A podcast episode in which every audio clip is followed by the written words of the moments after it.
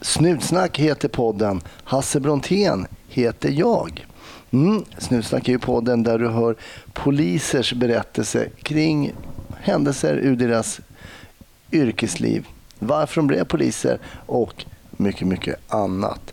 Stort tack för all positiv feedback kring det förra avsnittet där Simon Häggström gästade och pratade om trafficking och prostitution som han jobbar med.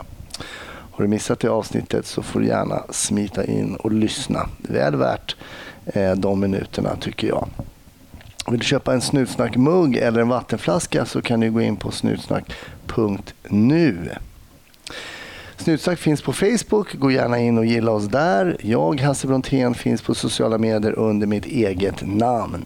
Var försiktig nu eh, var du än är någonstans på vårt runda klot och ha nu en riktigt trevlig lyssning.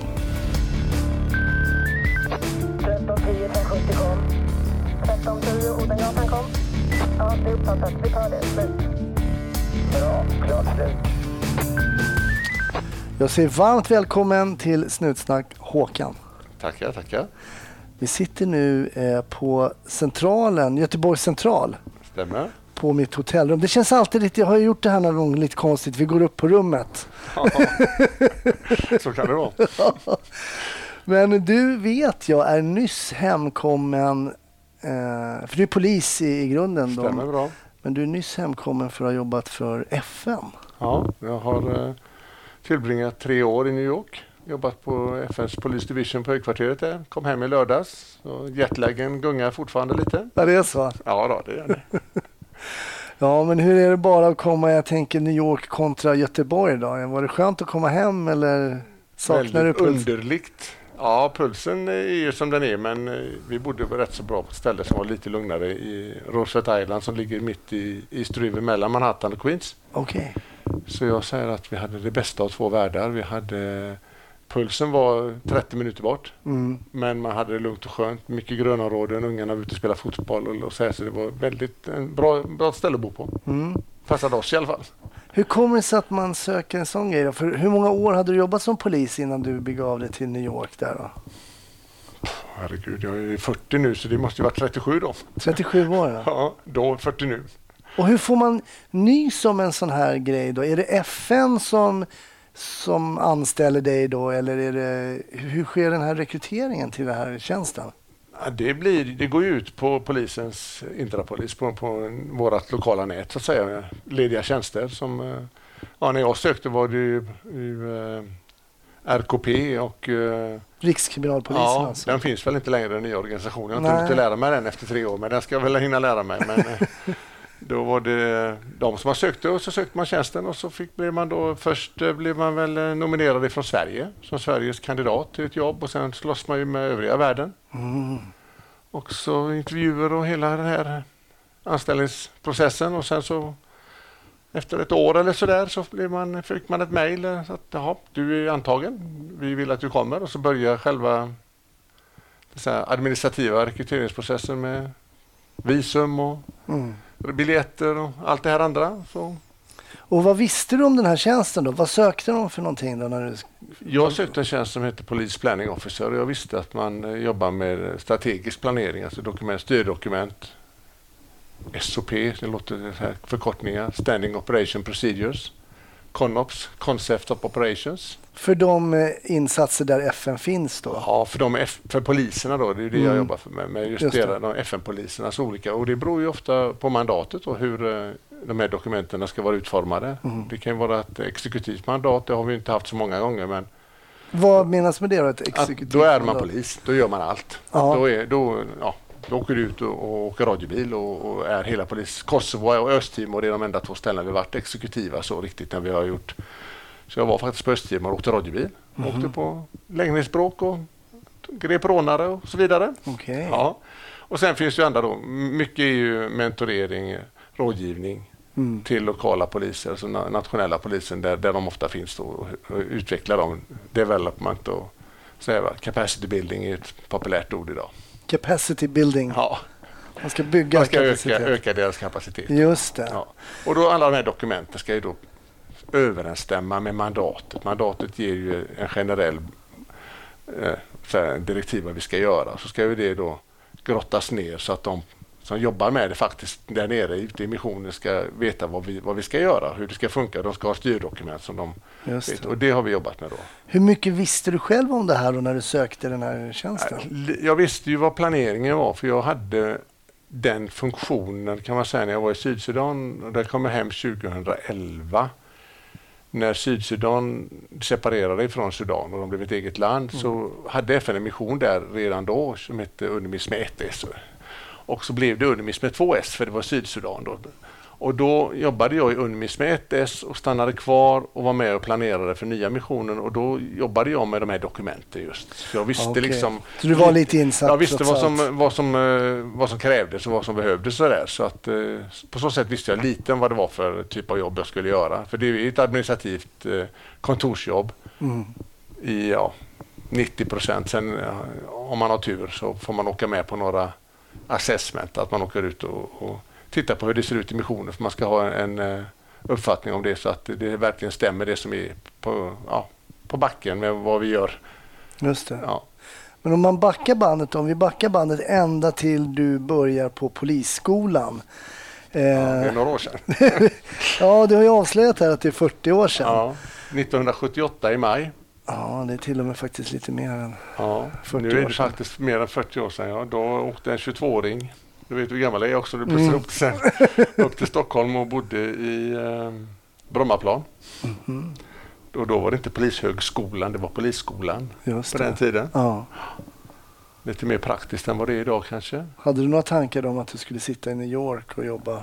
Inte att jag skulle sitta i New York, men jag hade haft mycket tankar på att jobba utomlands. Ja, du hade haft det? Ja, jag, eh, jag jobbade eh, som snickare och byggnadsingenjör innan jag blev polis. Och då Mm. hade jag haft möjligheten att åka till Saudiarabien. Jag sökte faktiskt FN-tjänst eh, när jag gjorde lumpen och blev antagen för att åka till Sinai Mm. som eh, jobbar med hundar. Okej. Men eh, då fick jag också strax efter jag hade fått, blivit antagen fick jag besked om att jag hade kommit in på polisskolan. Mm. Och då tyckte jag att det var, viktigare att ha ett yrke och ett jobb det. än att åka iväg sex månader och inte veta vad jag skulle göra när jag kom hem. Nej. Så då blev det polisskolan och, och då bestämde jag mig också för att om jag får möjligheten att med igång, då ska jag inte hoppa av utan då ska jag åka. Och så 1993 åkte jag till Kambodja första gången och var med under det valet fanns, det fanns alltså en tanke eh, att jobba utomlands redan där. Ja, jag har varit sugen på att, testa Ja. lite.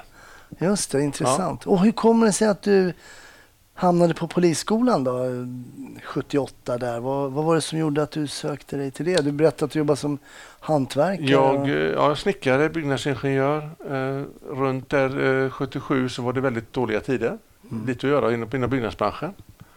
Och jag var, hade precis gått ut eh, innan, ett halvår innan hade jag då jag gjorde, just här var det så backade bandet. Jag i, tog min ingenjörsexamen och ryckte in i lumpen direkt efter, en månad efter.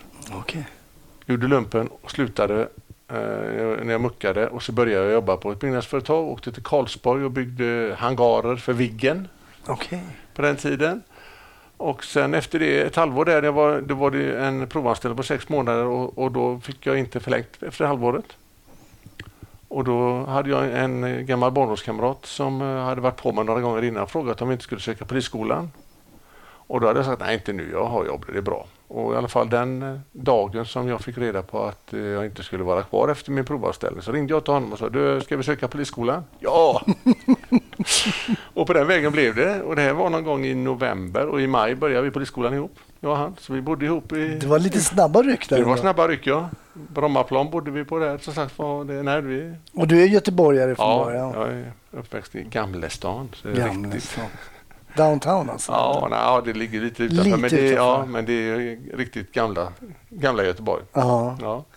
Och sen upp till eh, 08 då, då? ja, ett år där uppe. Hur funkade det då? Det fungerade jättebra. Vi var ju två unga pojkar, 22 år, som inte hade flickvänner annat och, och vad skulle vi göra annat än att vara i Stockholm? Nej, precis. Så vi hade, nej, det var ett bra år. Det var Och då bra. var det ju ett år. Det var ett år, Och så ja. åkte man ju hem och så hade man ju alterneringen då ett år på kriminalen och ett år på ordningen och sen blev man färdig på den Just. tiden. Så bara e- ett år på skolan och sen så ett år krim, ett år ordning och Ja. sen blev man färdig Ja. polisassistent då. Nej, då var det ju polisman. Det hette polisman bara då? Då fick man ju, sen man ju söka då på den tiden. Ja, så man Man var går inte... assistentkursen efter... Så hette det på den Ja. tiden, just det. Ja. Okej, och vad, när du var färdig då, då hamnade du här i Göteborg då eller? Ja, jag har varit i nordöstra Göteborg mer eller mindre hela tiden. Gamla VD1 och sen har jag flytt, stationen flyttat några gånger. Halt mig upp i Angered, Bergsjön, Kortrolla. Den, den, den delen av stan hela tiden.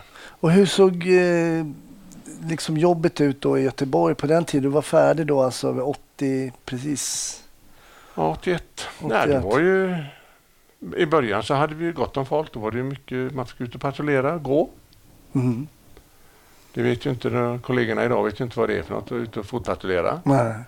Man fick sin, sitt område, där skulle man gå. Så gick man där tills man blev upphämtad. Och om man var riktigt, hade tur någon dag så kunde man kanske få avlösa på radiobil under fyspasset. Två Okej. timmar.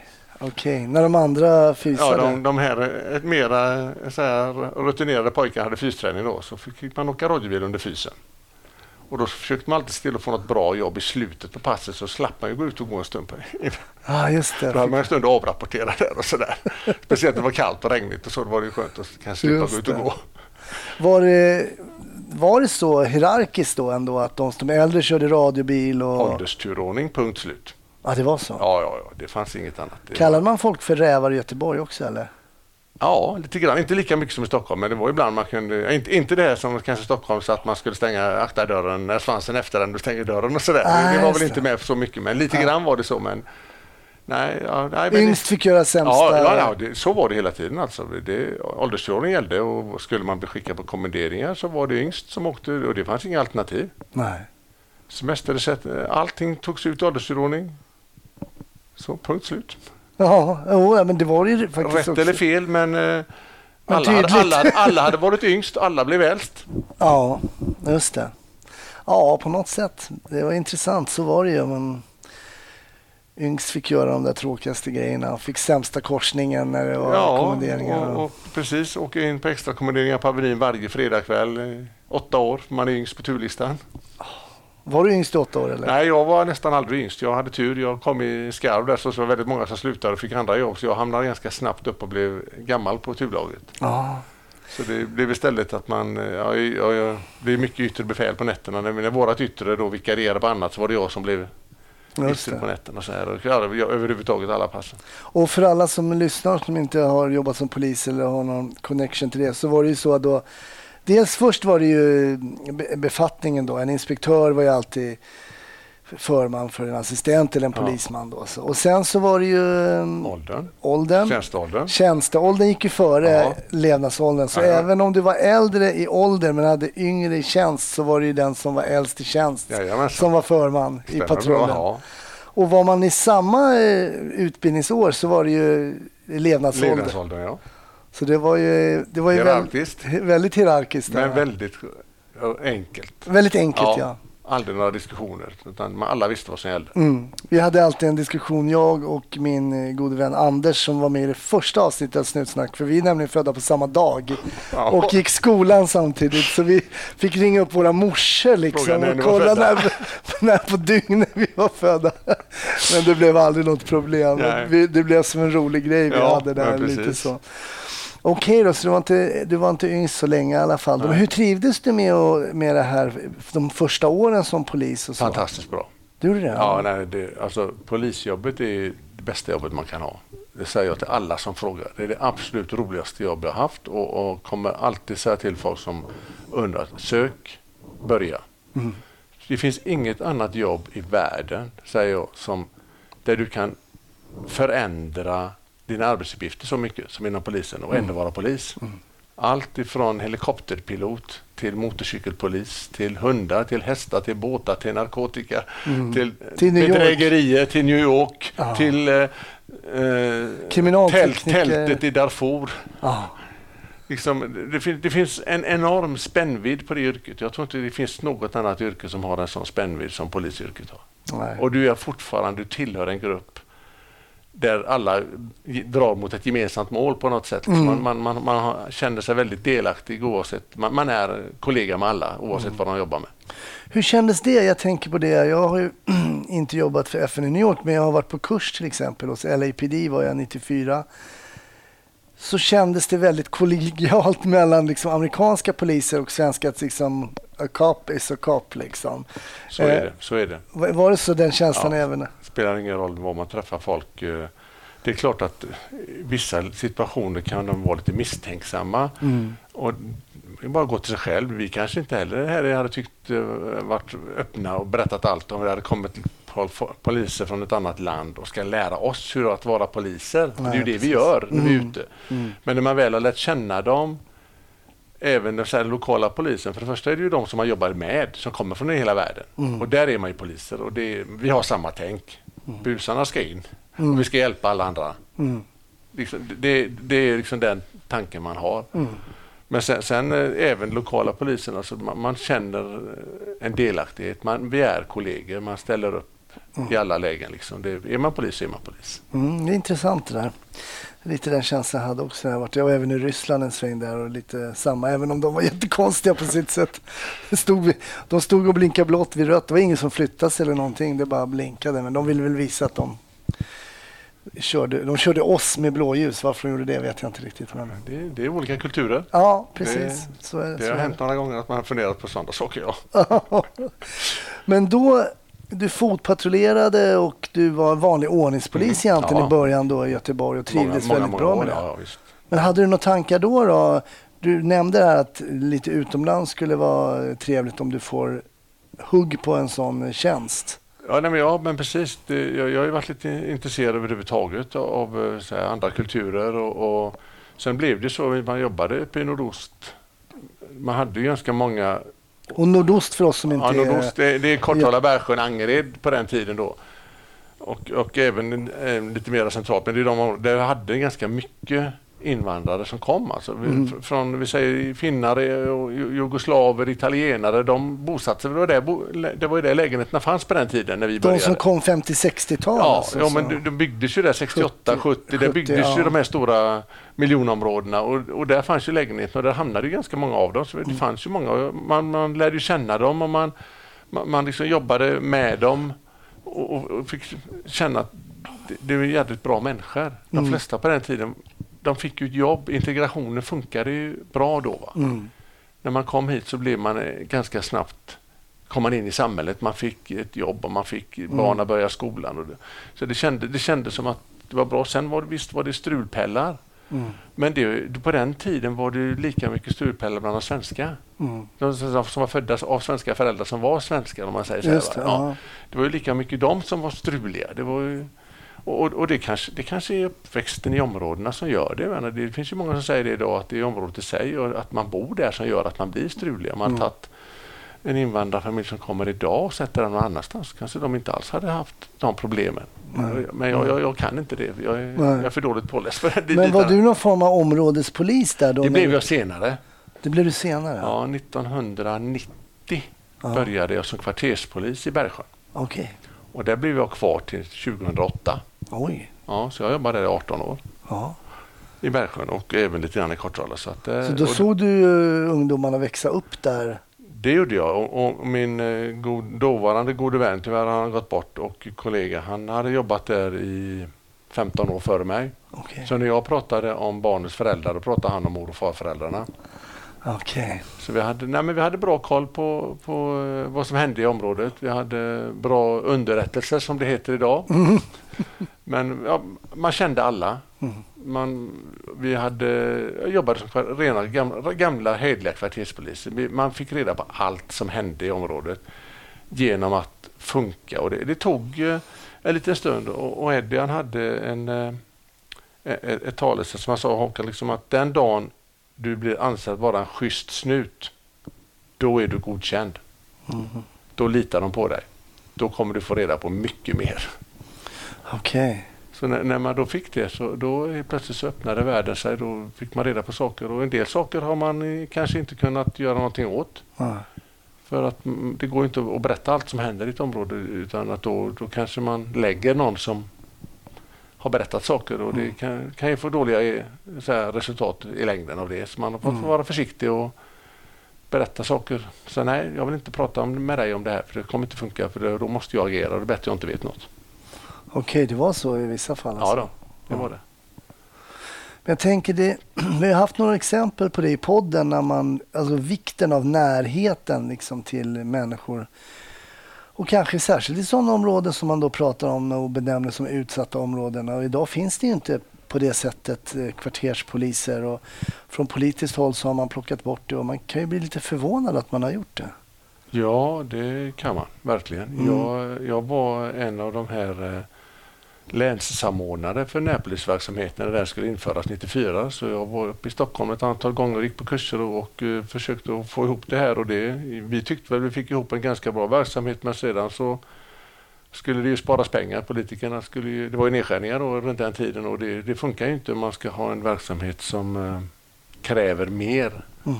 att man får mindre. Och då, då måste verksamheten är ju måste-verksamhet. Det är ju radiobilarna och vi måste ju komma när folk ringer och då får man ta bort på annat och då blir det närpolisverksamheten som fick stryka på foten på något Mm. sätt. Just det. Och då, då föll det isär mer, mer och mer och vittrade bort. Och menar, det, vi, vi, hade, jag menar, vi, var ju skol, vi var i skolorna mer eller mindre varje dag. Nu var vi två stycken och vi fick vara kvar. Vår chef han var väldigt bra. Han lät oss fortsätta med vår närpolisverksamhet i Bergsjön för den hade funkat innan kvarterspolisen då Mm. var. Och vi fortsatt, fick lov att fortsätta med den och det var helt fantastiskt. Alltså. Och vi, vi, ja, det känns som vi gjorde ett bra jobb. Man, man har väl fått kvitton ett antal gånger. Jag vet du har själv sagt i podden några gånger att du har eh, exempel på poliser som har fått höra i efterhand att det har gått bra. Och jag har många sådana exempel där, där både killar och tjejer har kommit och, och bett och tackat så mycket för att man har hjälpt dem och att de lever tack vare att man har sagt saker till dem, att de har fått ringa och de har kunnat kom- komma på lördag kväll och be om hjälp och jag har hjälpt dem. Och det har kanske inte alltid varit poppis i familjen att nej nu åkte jag iväg på lördag kväll här så Ja, för det var någon som behövde ha hjälp. Men, och jag bodde alltså i området då, mer eller mindre. Mm, Alltså, mm. Så att, eh, det var när alla visste var jag bodde. Det var inget, det var Hur känns det då när du får liksom någon form av facit eh, många år senare? Att om inte du hade, Håkan, om inte du hade varit, ja hur det nu var, jobbig kanske tyckte de då, men eh, Ja, nej men det, nej men det, det, känns ju bra. det känns ju som att man gjorde faktiskt rätt och, och då blir man nästan lite ännu mer att fattar man inte varför jobbar vi inte fullt så ut idag. Det finns ju embryon till det, man försöker ju men, men jag, jag tror att politikerna måste ge oss mer resurser så vi har möjlighet att vara där ute mm, och, och bara vara. Att bara komma upp på Bergsjöskolan som vi var i då som sagt var, och prata med ungarna utan att det har hänt något just det. och vara där och kunna snacka med dem, sitta, gå in och äta lunch med dem. Och bara, man, man får ju en helt annan relation till dem och, och man känner dem och man vet ju, man känner ju igen dem hur de rör sig, var man går. Många gånger kunde vi när vi fick en anmälan, vi läste ju bara signalementet så visste vi vilka det var. Mm. För man hade den kollen, man kände dem så väl. Och visste vi inte vilka det var så, vi, så ringde man två telefonsamtal så visste man vilka det var. Just det. Och även om man då inte kunde använda det så kunde man åtminstone hjälpa utredaren eller spana så här, där ska ni titta. Mm. Åt det hållet. Det är inte om höger utan det är åt vänsterhållet. Eller åt, eller så här, det, nu är inte det politiska höger och vänster. Nej, men att- utan bara utan höger i, i, den, I den grupperingen. Där kan ni leta efter de här. Ja. Och så kunde man hitta gärningsmännen där då, i, den gruppen för att man hade fått tag på att det, det är de som har gjort det. Va? Och det, det, det funkar, men vi fick lov att jobba på det sättet då. Hur tyckte ni att ni hade, jag tänker på föräldrar, hur hade ni kontakt även med föräldrar? Jag tänker på ungdomar som är lite jo. stökiga och sådär. Nej, det, och då var det så här att man kände ungarna, man kände föräldrarna och man kunde säga till eh, Pelle att eh, nu får du sköta det för annars går jag hem och pratar med mamma och pappa. Och Pelle visste att jag visste vem mamma och pappa var och att de var de bodde. Och då skötte, skötte Pelle sig för han ville inte att jag skulle gå hem till mamma och pappa och berätta att han var stökig, stökig på ut, utsidan liksom, Ja, så här, när han var, inte var hemma. Va? Ja. För hemma var han jättesnäll. Mm. Så det, och det, det, funkade så på den, på den tiden. Funkar. Nu, vet, nu har jag inte jobbat eh, där uppe på tio år så jag har inte riktigt koll på hur det funkar. Men jag, jag ska börja jobba där nu igen. Ja, för du har nästan varit på lite inskolning idag, första dagen första efter. dagen idag ja. Det var mycket nytt. Vad fick det, du göra? Nytt Ja. passerkort? Ja, jag har åka och hämta, jag har ett tillfälligt passerkort, jag ska ha nytt datakort, jag ska ha, hitta, försöka hitta lite uniformspersedlar, jag måste kvittera ut ett vapen, jag ska skjuta upp och jag ska hämta radioapparat. Ja, det är mycket som ska eh, göras om efter tre år, sen ska man ju lära sig alla nya system som har Just det. och, och för det som man kunde, det lilla man kunde tidigare, det har man ju glömt. Så man får, och det var någon, vad var det nu, jag skulle få någon, var det någon, eh, någon radio eller någonting jag skulle få. Eller, nej, det var en telefon. Man ska få någon telefon och då måste man gå någon kurs för att ha, få ha telefonen. Du är som nybörjare på nytt nu. alltså. ja, ja nej, men, tre år det är ganska lång tid ifrån eh, en sån här verksamhet. Det, det händer ju mycket på tre år. Ja, det gör ju det. Ja. Men känner du igen ditt bergsjön så att säga när du åker upp där idag då? Eller? Jo, det gör jag ju. Det, det, I stort sett ser det ju likadant ut. Men visst har det hänt lite. Det har byggt lite nya hus och, och det har blivit, nå- något hus har väl försvunnit och sådär. Va? Men eh, det, det är samma. Och det, det ska bli jätte, jag ska bli jättekul att komma tillbaka och börja jobba upp och sluta cirkeln. Liksom, och, Kommer du jobba ute nu eller? ja, jag kommer ju vara kommunpolis. Jag kommer ju ha en hel del eh, jag, n- samvaro med, med stadsdelsförvaltningen och, och med eh, företag och med föreningar. Mm. Olika typer av föreningar. Det kan ju vara allt företagarföreningar till eh, idrottsföreningar. Men till, det är uniform på nu och... Ja, både och. Det Ja. kommer vara att man kan vara i civil men också uniform också. det. Men, men det är ju inte det. Jag ska inte vara ute och, och gripa folk utan det är mer samverkansdelen här och se till att jobba med medborgarlöften och annat. Jag vet att du har pratat om tidigare. Det. Ja, precis. Ja. Ja, att det ska funka. Att vi, att vi drar åt samma håll. Bostadsbolagen de är viktiga jag, medarbetare, med, medspelare. Mm. Och få det till att funka liksom. Men jag tänker nu, du är 63 nu Håkan, Mm. Du har ett långt polisiärt liv bakom dig. Du har ju med all säkerhet gjort massa spännande saker. Hur känner du nu att du vill runda av det här nu då? Känns det bra det här nu att du Det områdets... känns jättebra. Det, är- det är det som är, fan, det är fantastiskt att få komma hem. Och lite grann är, är den avrundningen har jag gjort även nu på FN. För jag fick faktiskt möjligheten att åka till Darfur Mm, som jag var i ett år. Så var jag där i, i nästan tre veckor nu och gjorde en utvärdering där. Och fick komma, åka till nästan alla ställen jag var och se hur de hade haft det, om det hade varit någon utveckling eller inte. Det var 12 år sedan jag var där senast. Jag fick möjlighet att åka till Sydsudan där jag jobbade i två år. Och åka runt på alla ställen jag var då. Kunde du se utveckling? Ja, till viss del. Alltså, det har byggts en hel del på vissa ställen, vissa ställen inte. Jag kan titta som i, i eh, Darfur då, så var ett- jag jobbade på ett ställe som heter Najala och det är liksom den ekonomiska navet. Mm. Stor flygplats nära. Där hade det hänt jättemycket. Medan vissa andra ställen som var lite bortanför där, där såg det nästan identiskt ut som det var när jag var där för 12 år sedan. Det har inte hänt mycket så här, byggnadsmässigt och sånt. Sen vet man ju inte under ytan vad som har hänt. Liksom. Nej, Men, nej. Eh, Alltså flyktingläger, det det är ju inte int- flyktingar, det är ju intern IDPs, alltså det är sådana som har blivit förflyttade internt. Det de har inte flyktingstatus men de Nej, har just fått det. fly från sin, från sin, där de har bott till en annan plats för att få en säkerhet, säkrare plats att bo på. Mm. Men det såg precis likadant ut, det var kanske lite större, lite mer etablerade. Så det, och, och få göra det och så nu då komma hem och så få avsluta med, med att sluta cirkeln där jag ändå har lagt eh, nästan 20 år av min polisiära karriär. Man känner att eh, det är det som är hemma på något sätt här, här hemma i Göteborg. Så är Mm. Kortala, Bergsjön, östra Göteborg det är ett fantastiskt eh, område att jobba i. Mm, Vi, på den tiden jobbade vi ensamma nästan hela tiden. just det. Jag åkte motorcykel. Det var mitt fortskaffningsmedel. Jag gick under benämningen MC-Håkan. Okej. Och jag åkte motorcykel och skötte mig själv. Liksom, och så, men jag, hade, jag, jag rapporterade hela tiden vad som hände. Jag, hade full, jag, mitt ansvar, jag var, var ju då att ha full koll på vad som hände i området. Och när någonting hände så skulle jag serva de som behövde hjälp med den informationen som vi hade. Mm. Så, nej, så det ska bli Men du hade motorcykel, alltså... Du hade ingenting med trafiken att göra egentligen. Du var Det var mitt fortskaffningsmedel. kvarters-MC-polis. Ja, fantastiskt. Fasen, hade det funnits då hade man ju sökt alltså. Ja, det var roligt. Det Nej, men, och roligt. så, och så, nej, men vi hade, vi hade det väl förspänt. Vi hade BMW och vi hade KTM 640 Offroad. Ja, med crossdäck. Så det, var, man, det var ingen som körde ifrån oss. Det var ingen som försökte köra ifrån oss. Nej. För de visste det. Och det, det var ju världens lättaste sak att förebygga det. Det var ju bara att ta KTM och köra ut en eftermiddag. Och visa upp sig på alla gator och torg. Då det visste de att den var ute, Nu är liksom. Håkan ute. Då, då kör de inte. Det var ingen som gjorde något. Det funkar ju så liksom. Det, Ja.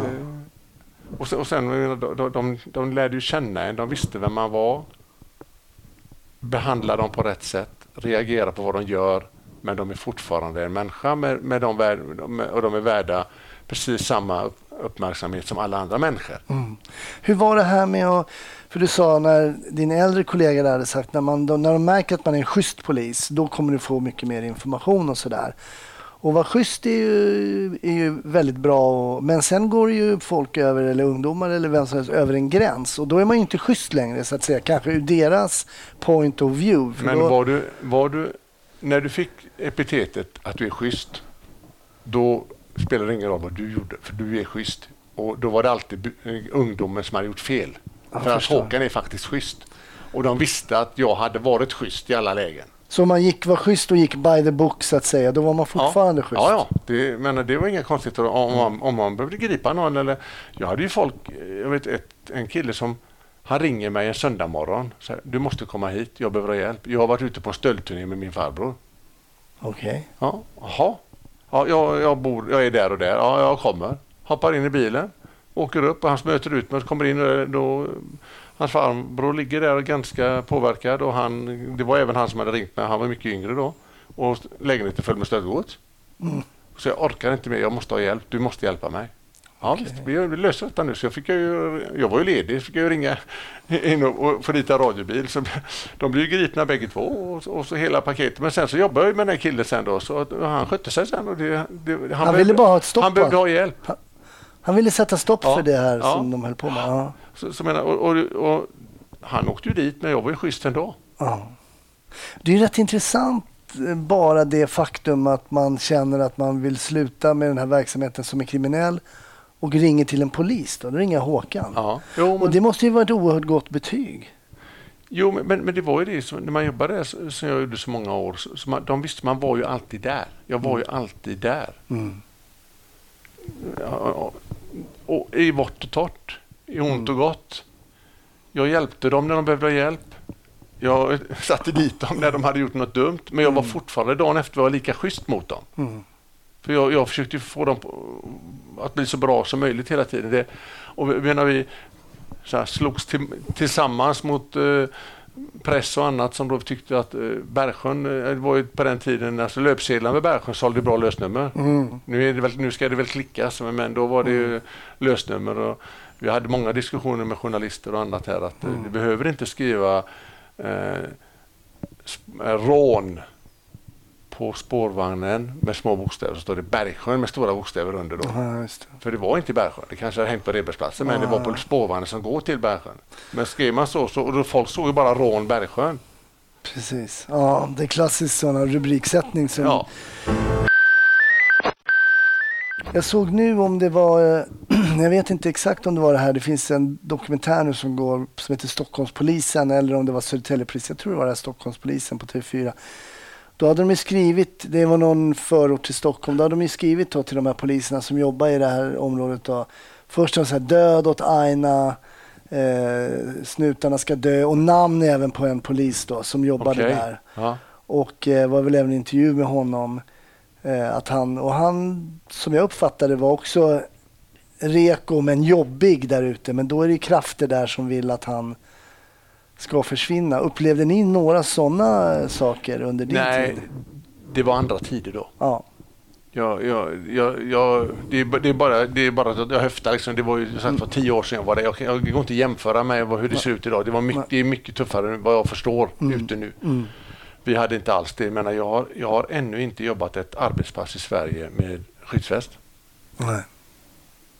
Det, jag har inte funnit något behov av det. Mm. Och det tror jag inte jag skulle göra idag. Nej. Nej, bara det, Det- där ser man en skillnad. Ja, därför att jag, jag vet inte. Då, då, så när jag jobbade i Bergsjön, jag hade killarna från första klass i skolan och tjejerna också. Och sen så växte de upp, man följde dem. Mm. Jag visste vad de, som jag sa, de visste vad de hette, jag visste var de bodde, jag visste vad brorsan och mamma och pappa. Man hade, man Ja, hade det låter ju optimalt. Ja, man hade Mm. full koll på dem. Och jag var inte, det, jag var aldrig orolig för dem. Nej. För jag visste att de kommer inte göra mig någonting. Nej. Och jag, jag kunde ju till och med gå fram till en del killar och säga du, jag vet, ja, ni har en stulen motorcykel. Den ska ni lämna in imorgon. Ja, den kom. Det kanske inte var de killarna som gjorde det, men motorcykeln var inlämnad. Det var som hittegods. Ja, det är otroligt. Ja, det är ju fascinerande. Ja, nej, men, nej, men det, man får, när man jobbar så länge under, under den Mm. så, så får man liksom koll på det. Och möjligheten att vara på samma plats. Ja, och och det, säger, och det är ju det här. Men, men du vet ju hur det är. Jag menar, ja, så stannar en del där några år. Har, nej, så vill de ha en annan karriär. De kanske vill tjäna lite bättre, få en bättre lön, få bättre jobb. Hade de istället premierat de som ville vara kvar i ett område länge och gett dem en löneglidning, alltså så att de hade fått kredit för att vara där och vara bra på det man är bra på. Mm. Så tror jag vi hade haft folk som hade stannat kvar Mm. och, och velat jobba med det för det är jäkligt roligt alltså. Mm. Det, och samtidigt, jag vet ju en del kollegor som men Håkan, du, du, har inga, du har inga kollegor. Och jag har jättemycket kollegor, men det är fritidsledare och skolfolk och fältassistenter. Det är mina kollegor. Mm. Men vi, vi jobbar ju med samma ungdomar. Mm. För det var ju mest ungdomar. Det var ju det, var ju det, det man la mycket på, alltså, att Mm. försöka få dem att bli så bra som möjligt. Jag tänkte be dig berätta en, eh, nu anar jag att det kanske är från den här tiden, men det, för det låter som det har hänt mycket där. Det har hänt mycket, ja. Eh, en historia från, din, eh, från dina de här eh, 40 åren som ju kanske då är 41 egentligen. Men Ja, ja. du försökte Ja. runda av neråt. Ja, nej, men jag, jag, kommer kommer bara ihåg att jag firade 40 år. Så det är ett år sedan snart. Vad tänker du på då spontant? Från Ja, eh, det, har, nej, det, de har hänt, det har hänt många grejer, men jag, jag visste ju att du, frågan skulle komma. Så att eh, jag, jag har en, en, som jag tycker är en, en solskenshistoria som jag ska försöka att jobba på när jag kommer hem här också. Det är Mm. en av de här eh, små killarna som, från Bergsjön Mm. som, som jag lärde känna i ett tidigt stadium där så, som var en, eh, inte på något sätt buse utan men han älskade att klottra. Okej. Graffiti Mm. överallt. Spårvagnar, väggar, tunnlar, p-däck. Överallt. Och då på den tiden, nu är inte jag jätteexpert, men en del, man taggade ibland, då var det ju bara ens signum på något sätt. Ja. Men sen var det ju en del som gjorde snygga... Ja, nej, det, var både och. Det var både och. Ja, han, han hade, han hade många olika taggar. Man, man fick ju lära sig vilka, vem de var. Men kom ni på snabbt vem den här killen var då? Eller? Det vill, ja, vi visste ju ganska snart. Man lärde sig hur man eh, skulle hitta det, var, vilka taggar de hade. Men det kan jag inte säga här för då vet, berättar jag det för alla. Nej, det vet ska man inte göra. Nej. Nej, men det, det går att, att ta reda på hur man, eh, vem som är vem.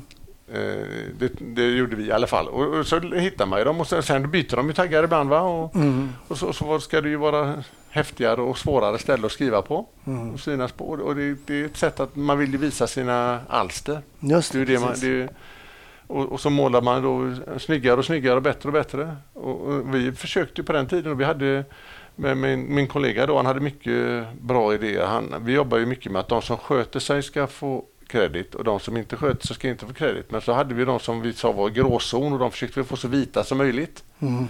Och då jobbade vi med och då, då var just Tony här som han heter, en av de här killarna och han eh, vi jobbade så vi, vi hade lite projekt där han fick vara med och måla.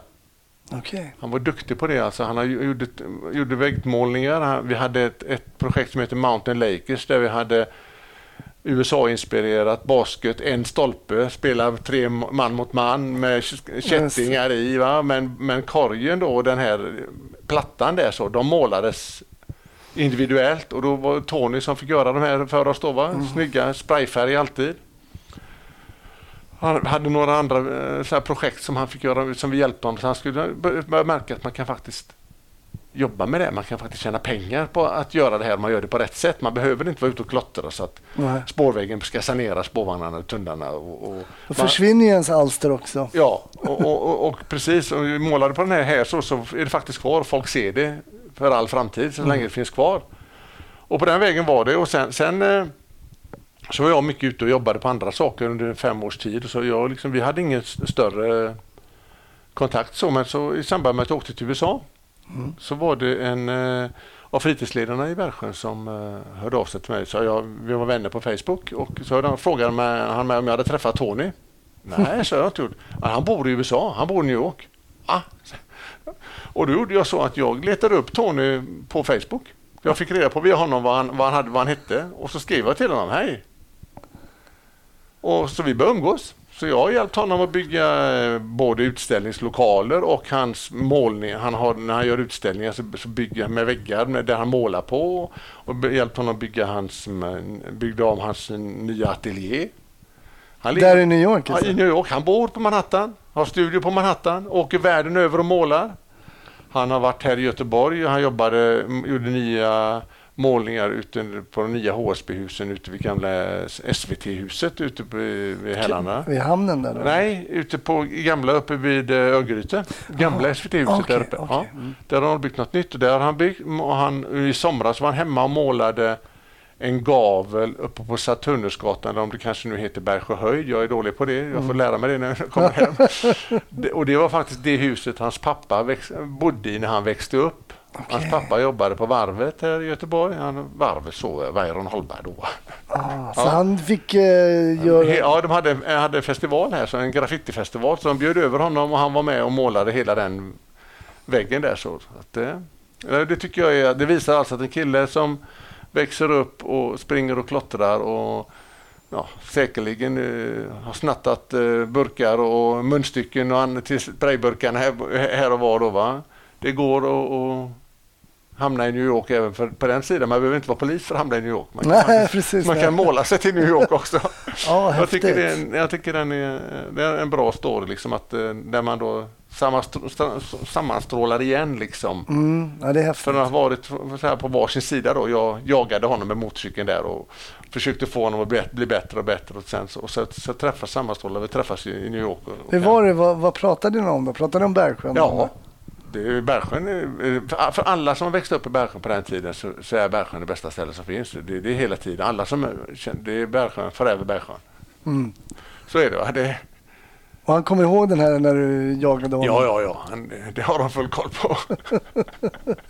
Vad roligt. Ja, Ja. det var ju lite av en solskenshistoria, verkligen. ja, det, Men jag kan tänka mig att du också, i och med att du jobbar med människor och med familjer och så tätt inpå, också har varit med om såklart mycket tragiska händelser också. För det är väl oundvikligt som polis? ja, det är klart det. det ja, den, där är väl kanske den tragiska, mest tragiska är väl diskoteksbranden. Mm. Där jag eh, blev uppringd på morgonen, hade faktiskt semester, blev uppringd av min kollega då som sa att du måste komma och jobba. Det är jättemånga som har gått bort. Av våra, våra ungdomar som vi kallar för det var ju våra ungdomar. De Mm. Bergsjökillarna och tjejerna, de var ju våra. Mm. Och de fick mycket skit, men de skulle bara få skit för det de hade gjort. De skulle inte få skit för annat, men det fick de också. Då var vi där och försvarade dem. Mm. De behövde inte få skit för mer än det de gjorde, för det var tillräckligt. Nej, precis. Nej, så det, det var väl en tuff tid där, så då jobbade vi mycket. Eh, åkte fram skytteltrafik fram och tillbaka till sjukhusen, hjälpte till, letade efter barn. Fick åka och identifiera en del av dem där man inte hade hittat eh, inga ID-papper. Det hade man inte med sig på den tiden. Telefoner var inte lika sådär, så vi fick åka upp och hjälpa till att identifiera en del av dem. Jag hade faktiskt, jag, jag kände 11 av de 63 som dog kände jag personligen. Kände väl. Flera stycken har varit hemma hos föräldrarna och pratat med mig i min roll som kvarterspolis då innan. Så att, Mm. men samtidigt så var det bra. Jag, jag fick vara med en hel del i efterarbetet i de grupperna där vi hade de här mötena som hade gemensamt med polis och brandkår. Vi hade ju regelbundna möten på polishuset. Och då hade man ju en relation till en del av de här föräldrarna som hade mist sina barn. Och det var ju, ja, det var ju jobbigt. Det var en jobbig tid alltså. Det var ju, Hur tog det på dig då som eh, privatperson också? Eller som, ja, men som Håkan, liksom, att elva av de här känner personligen och som har brunnit? ja, man, man, eh, man, tänk, man känner, tänker ju på sina egna barn. Mm. Jag och min fru har åtta barn ihop så man har ju några stycken. Och många av de här som dog var i samma ålder som våra barn. Mm. Så man kände ju att eh, det hade ju kunnat vara våra också. Mm. Naturligtvis. Så man, så man hade ju en förståelse för de föräldrarna som, som var där och hur, hur jobbigt det var. Vi, var. vi var hemma, jag åkte hem och pratade med många av de här olika föräldrarna och, och, och hade försökt ha, ha en relation och prata, hjälpa dem, stötta dem så gott man kunde från våran horisont. Då. Mm. Och, nej, det var många långa dagar man jobbade där så. Och vi, vi körde ungdomar i bilarna från sjukhus till sjukhus, fram och tillbaka, från fritidsgård. Det var ju öppet mer eller mindre dygnet runt fritidsgårdarna. Hur känner du för sådana här samtal? Att stå utanför dörren och knacka på. Du vet att du ska prata och du vet att eh, en av deras barn har gått bort. Kanske det enda barnet också. Hur känner du där innan du knackar på? Liksom, hur förbereder du dig ens inför en sån jag, jag, försöker, arbetsuppgift? ja, jag försöker tänka på hur... Ja, Jag försöker sätta mig in själv i deras roll. Eller ja, hur, Mm. vad, hur kommer de reagera? När, hur hade jag reagerat? Liksom, att, eh, hur, ska jag, hur ska jag göra för att de ska få det så bra som möjligt? Mm. Och jag vet inte om det var lättare med att man hade barn i den åldern själv. Liksom, att man förstod uh, lite grann. Men man, man, får, man får ju försöka att ja, lyssna. Mm. Lå, låta dem eh, få vara ledsna. Och ta den tid det tar. Det, Mm. och bara, bara svara och, och sitta där många gånger. Har du alltid haft förmågan att vara så att säga hålla, jag ska inte säga hålla masken, det kanske Nej. men Jag har gråtit. Ja, du har gjort Jag har det? lätt för att gråta. Ja. Och jag kan gråta med dem och jag vet inte om det är styrka eller svaghet, men jag gråter. Ja. Jag, jag grät senast på eh, planet hem. Jag tittade på Bohemian Rhapsody. Och när, när, när de gick upp på eh, Band Aid så brast det för mig. Det var för mycket. Då såg jag den. Jag har, bod, jag har varit i Afrika jättemycket. Jag tänkte på, på Etiopien, alltså på, på de de de spelade för. Hur de hade det där, pengar de, de skulle spela in. Själv åka hemifrån tre år i New York, hem till Sverige. Det var mycket där. Och så var Queen var mitt favoritband. Så liksom det, var, det, det var mycket. Det, det, och det, men det, jag, jag är sån. Liksom. Jag är väldigt emotionell. Har du alltid varit sån? Eller? Ja, jag är emotionell. Alltså. Jag, jag, jag, kan sätta mig, jag kan sätta mig och gråta med någon och så gråter vi en skvätt och så är det bra sen. Mm. Det, sån är jag. Mm. Nej, men det tror jag nog är en styrka att kunna även som tjänsteman då, eller från en, att man är en myndighetsperson, att inte verka helt blockerad så att säga. Jag tror, vi hade ju ett em, avsnitt här med Martina som berättade att hon var på ett dödsfall där föräldrarna var där och sonen hade tagit en överdos. Och där hon själv har en bror som hade missbruksproblem och sen så brast det för henne i uniform och Ja. det funkade ändå Ja, nej, eh, det- när man är eh, människor i samma rum som kanske känner lite samma saker. Liksom. Jo, nej, precis. Man, man, har man då någon att relatera till och som man kan liksom förklara för dem att jag har varit med om detta. Jag vet precis, eller jag vet inte precis, men jag, jag, jag kan förstå er. Mm. Därför att jag har varit i er situation. Mm. Jag kanske, då, då får man liksom något gemensamt. Mm. Och det, jag, det jag känner så i alla fall. Det, jag menar, jag har haft sådana som har gått bort i tidig ålder i min närhet. Mm. Som man har fått ja, mått dåligt på naturligtvis. Och som eh, det är både, både småbarn och, och äldre också som Mm. har, har gått bort. Så det, och, och det är klart att då kan man relatera till det. Så blir det ju när, man, när livet liksom tuffar på så är det ju både ups and downs och folk försvinner från ens liv på, eh, av olika anledningar. Och Absolut. det ger ju erfarenheter både privat och Precis. yrkesmässigt. Då. Och- Absolut. Som polis så får man ju verkligen stöta på människor i olika situationer i livet. Ja, ja, men det är det. Det är ju från, uh, alltid från eh, glädje till sorg. Och Hela spektrat. Mm. Och det var lite som du var inne på. Du, eh, du var nästan som en reklampelare för polisen där, men jag tycker att det var en bra och helt ärligt där med eh, det spektrat som finns, allt från du nämnde helikopterpilot till allt man kan göra. Men det är ju också det här spektrat som vi är inne på nu, alltså kanske emotionella Ja. spektrat. Att man, jag menar, jämför man det med ett kontorsjobb eller någonting. Visst, det finns många tjänster, men det finns också otroligt mycket att vara med om rent emotionellt också. Allt från glädje till, till Ja. total sorg och mörker och död. Liksom. Men jag tror också att det är det som gör att man orkar med det, att du har hela spektrat. Hade det bara varit mörker Mm. så kanske det hade blivit jobbigt. Men du har ju också glädjestunderna Mm. där, du, där något går bra eller där Kalle ringer eller skickar ett sms att det går bra för honom. Mm. För att du har hjälpt honom eller för du tackar dig för någonting. Det, det lever man på länge. Just Då det. får man liksom lite luft under vingarna. Mm.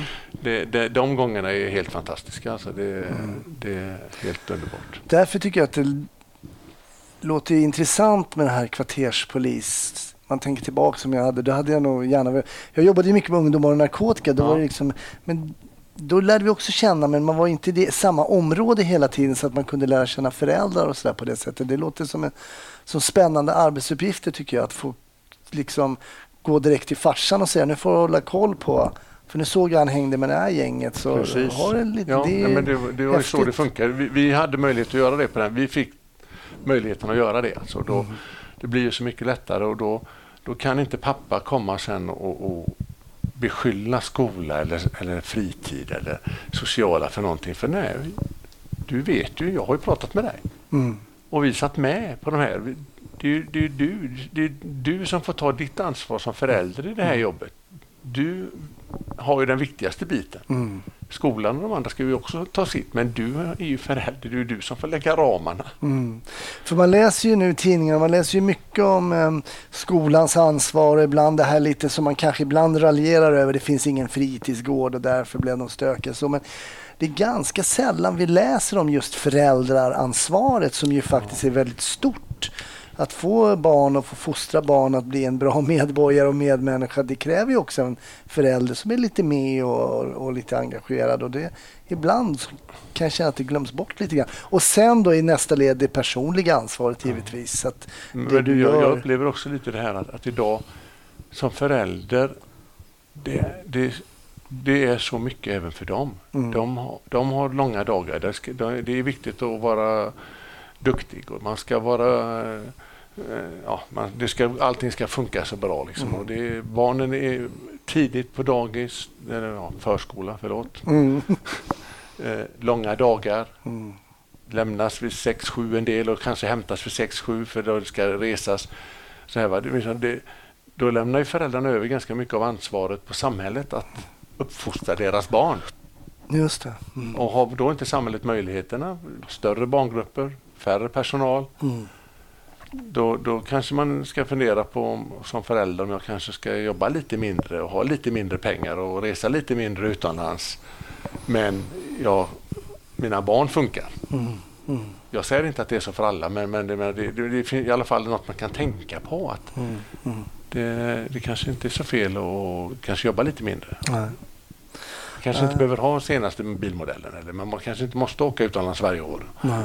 Utan man kanske kan göra annat som Mm. gagnar barnen på ett annat sätt. Jag kollade på något sånt där avsnitt av det här Lyxfällan finns det ett program. Jag vet inte om det fanns. Jo, det fanns säkert innan du Ja, åkte iväg ja. Man blir helt... Eh, man tappar hakan när man ser föräldrar. Hur man prioriterar Ja. ibland. Man har barn och man och, eh, hittar på grejer. Så man kanske ska gå någon kurs ibland. Innan man, för att Ja. veta vad som är plus och minus. Och, Men, ja. Men det där är tv också i och för sig. Så det kanske Ja. inte Nej, är när, man, när man hör liksom ibland, ibland att säger som en förälder som lämnar barnen på förskolan vid halv sju och så hämtar de vid sex. Kan man kan man vara så länge? Nu, Men- så länge jag sedan menar, jag- jag menar, ja, jag menar liksom, när hinner man då umgås med sina barn? Mm. På helgen? Mm. Liksom, jag, jag hoppas ju att det är så här, ytterst få tillfällen som man har barnen på så länge. Liksom. Men menar, när man, för mig är det liksom, det får inte vara så. Nej. Då, då, är- då är det ju vårt system som är fel på något sätt. Liksom, att man, eh, Men det hör man ju nu bara när vi pratar du och jag att det, det som sen blir problem är ju definitivt inte endast ett polisiärt för det polisiära att lösa. Och det har vi ju varit inne på här Ja. att, att dina kollegor var eh, fältare och fritidsassistenter och socialarbetare och sånt. Att Ja. man tillsammans och föräldrar och så vidare. Och så vidare. inte Alltså, minst. Man integreras och, och, och försöker lösa de här knutarna tillsammans. Ja, det, Komplext. ja, det är ett komplext. Men det känns ju jättebra nu när du säger att du ska runda av och med den här kommunpolisen. Och jag hoppas det går bra med de här kurserna med telefonen och att du får ett vapen. Men innan vi slutar eh, dagens avsnitt så tänkte jag att du skulle få tipsa. Vi brukar ju prata om lite förströelse här på slutet. Och det är polisfilmer och det är böcker och allting. Men eh, jag vet inte, har du hittat något i New York? Vad vet jag? ja, nej, men det, för det första, så, svenska polisserier och filmer kan jag inte se på. Ja, du kan men det inte, är väl ganska vanligt. Jag tror det. Det är så mycket fel. Ja, Och då sitter jag bara och retar mig på det. ja, Det är ingen idé. nej. Men eh, ja, serier, jag har varit dålig på att söka, eh, följa serier överhuvudtaget. Jag är väldigt eh, engagerad i sport och då är det mycket kvällar borta så det är ingen idé att följa serier utan jag vill titta på sådana som är avslutade liksom avsnitt hela tiden. Men, eh, i, New York har jag faktiskt hittat en eh, serie som är avslutade avsnitt för det är live och det är Live PD. Live PD, vad är det för någonting? Det är alltså ett program där man eh, ifrån New York sitter på en, eh, tv-studio så följer man 12-16 olika polisdistrikt runt om i USA live. Sitter med med kamera och åker i bilen och så händer saker och så hoppar de från polisdistrikt till polisdistrikt beroende på eh, vad som är häftigast just nu. Och det är klart, ibland är det kanske inte så mycket än, och då hittar man några gamla avsnitt som man kan eh, lägga in. Då, då står det då att då är här är ett gammalt avsnitt som man visar en gammal snutt som eh, Okej. visas igen. Men det, det, var, det var skön fredags och lördags. eh, Men det måste ju vara det senaste då, alltså live PD, att man Ja. ser det i, i realtid Ja, man helt ser enkelt. nu. Det händer när du ser på det. Såg du, såg du några händelser där som var... Ja, men det var ju efterföljande heter det då, Hi- High Pursuit. De har ett lite annat upplägg när man gör det i USA än vad, Ja, vad vi har här. Va? Det, är ganska komiska. De ligger många bilar bakom och väntar och väntar och kör inte på tills de då får besked och då kör de bara på bilen och så vänder de, vänder de runt den och så stoppar de. Just det. Ja. Vad, vad kan man, jag vet inte, kan man hitta det här? Jag tycker jag känner igen det live PD, att jag sett det någonstans i att flödet. det sänds här i Kanske. Sverige också. Jag vet inte, jag har ingen koll. Jag, jag hade den kanalen bara så det jag bara knappa in den och så tittade Mm. på den. Och det var som sagt var fredag, lördag. Så. Jag ska försöka forska till när, när vi lägger ut det här avsnittet med dig Håkan. Om vi Ja. kan hitta någonting med live PD där och se Ja. om det finns på de kanalerna. Ja, ja, men det, det finns säkert något på nätet. Youtube har eller någon annan ligger ute kanske. Absolut. Ja, Hur många, hur många år till blir det nu då? Hur ser det ut alltså rent? Har du någon plan här nu? Du är 63 nu. Nej, någon plan har väl inte så. Utan får- jag kan ju gå i pension imorgon om jag känner för det. Men eh, det är rätt så skönt att kunna göra det. Men det har jag inte någon liksom ambition att göra. Utan nu vill jag eh, upp till Bergsjön och Korthålla. Och så ska vi runda av det här på ett bra sätt. Och, och se till att det blir ett bra avslut. Och sen så får vi se när, om det, när det blir. Det har, det har inget, eh, jag har ingen tidsplan på det. Nej. Eller på att säga så som de ändrar pensionsreglerna nu så kan man väl jobba till man är 75. Absolut, du kan få se. bara jobba på. Ja. Men den dagen du liksom lägger um, polismössan på hyllan där, då, vad, vad, hur kommer ditt liv att se ut då, då tror du?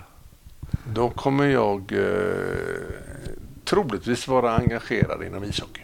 Okej, Jag är en hockeynörd. Djurgården då tänker jag. Nej. Nej, jag har en, en dotter som spelar i SDHL, Ja, högsta damligan. Mm, jag har en son som har spelat i Chicagos organisation i fem år och nu spelar i KHL. ja. Så att sen har och jag... KL, det är Ryssland? eller? Ja. Mm. Sen har vi på eh, polisstationen jag jobbar så jobbar pappa Klingberg, John och Kalle Klingbergs pappa jobbar där så det är mycket hockey på jobbet. Ja, det är mycket hockey på jobbet. Ja, att, eh, och mer ska det bli nu när jag har kommit dit. ja jag förstår det. Ja, Nej, okej. det blir- du det kommer blir- inte bli sysslolös? Det lär jag inte bli. Nej. Jag har, kommer ha att göra.